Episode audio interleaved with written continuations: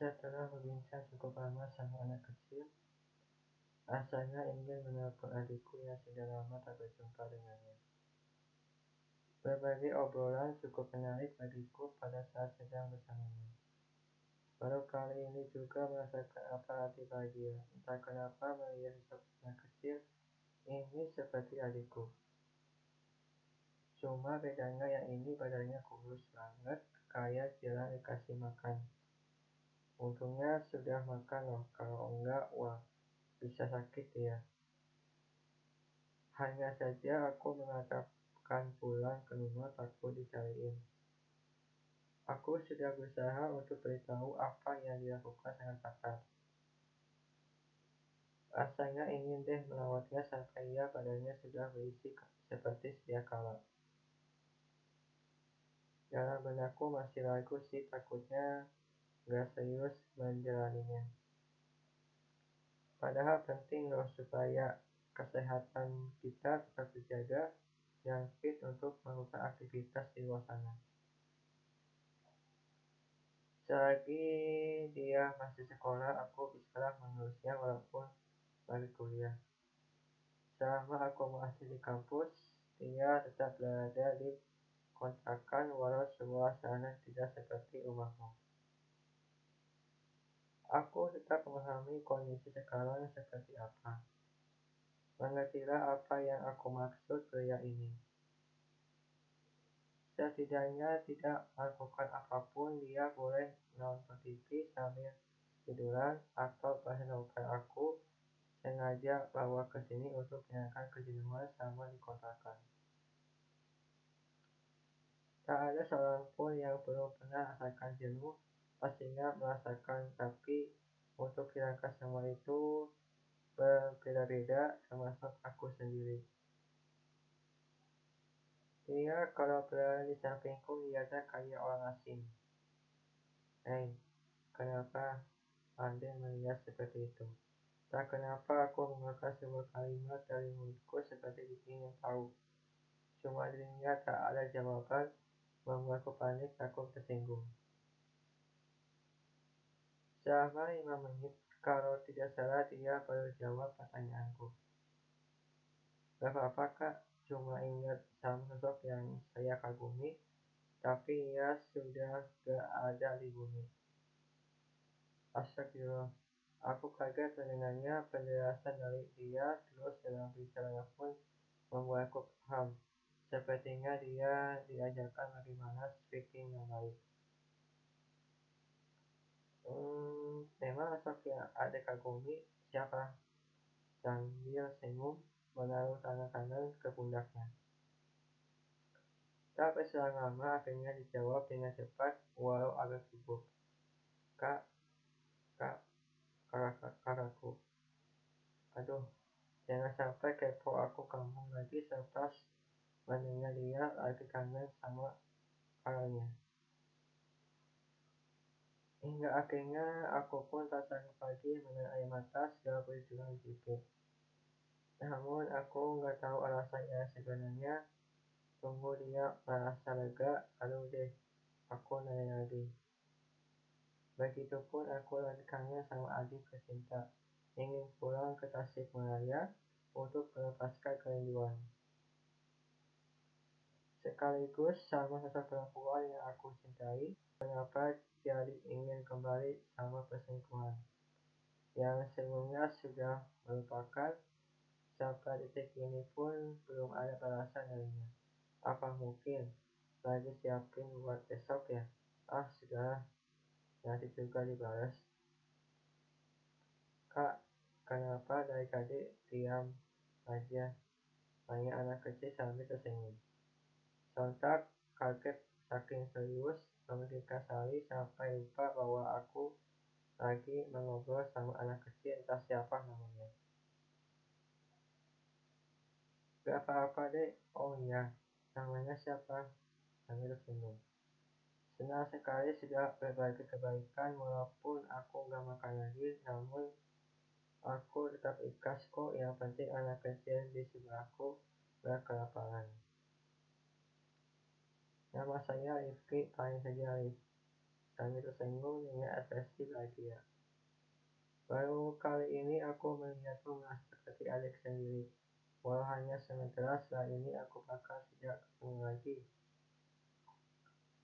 Semoga saja suatu saat kita berdua bisa berjumpa lagi di tempat lain. Berapa mereka sebelum berangkat pulang ke rumah, ada beberapa warga sini mau minta maaf kepada Rizky. Hanya saja tidak langsung dimaafkan, tapi harus mereka rasa kenapa tadi bersikap seperti itu.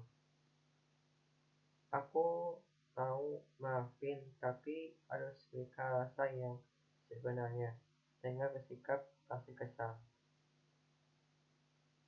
Cuma warga sini berpikir mengenai pertanyaan dari Rizky lama amat.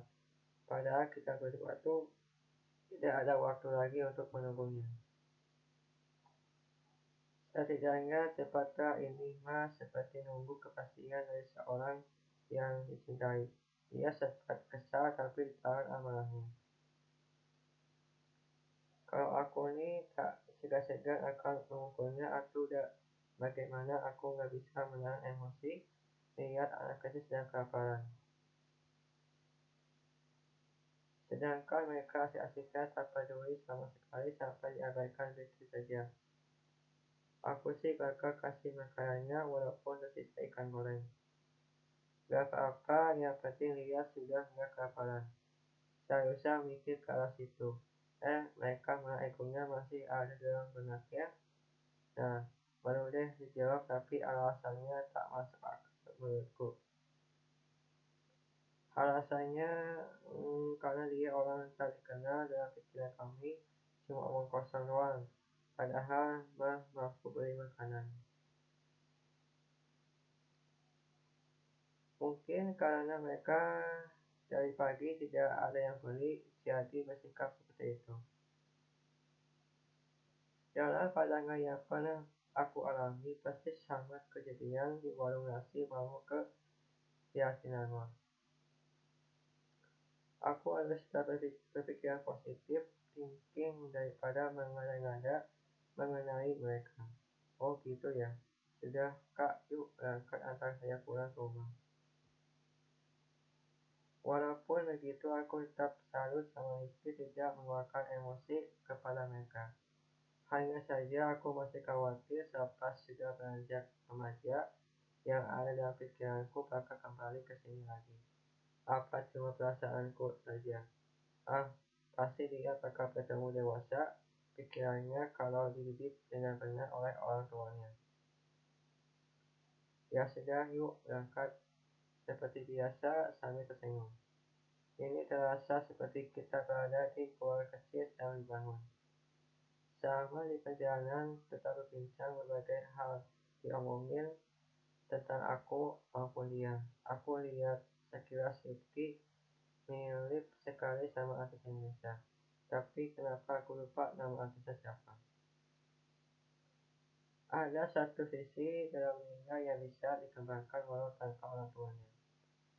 Ternyata sama ini Rifki ingin menjadi seorang penulis. Sempat dikasih ceritanya menurutku bagus, cuma nggak ada bimbingan dari orang-orang yang sudah berpengalaman. Aku sih ingin membantunya, tapi dalam keinginannya harus ada konsisten dalam menulis.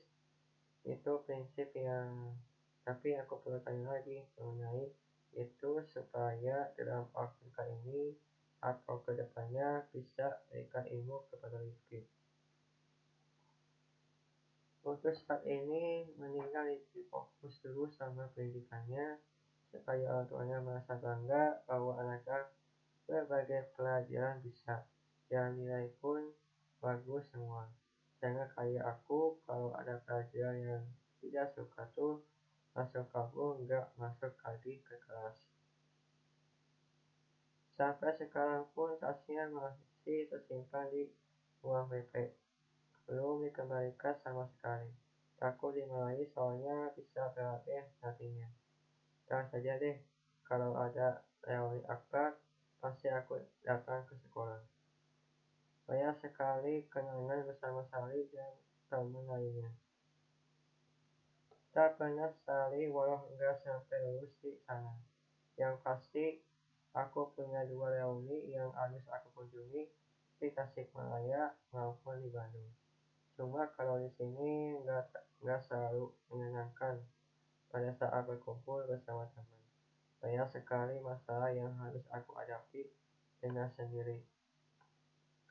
Semenjak ada masalah, aku putuskan untuk menyendiri dan aku sempat kenalan sama sama yang menurutku saling mengingatkan tentang kehidupan.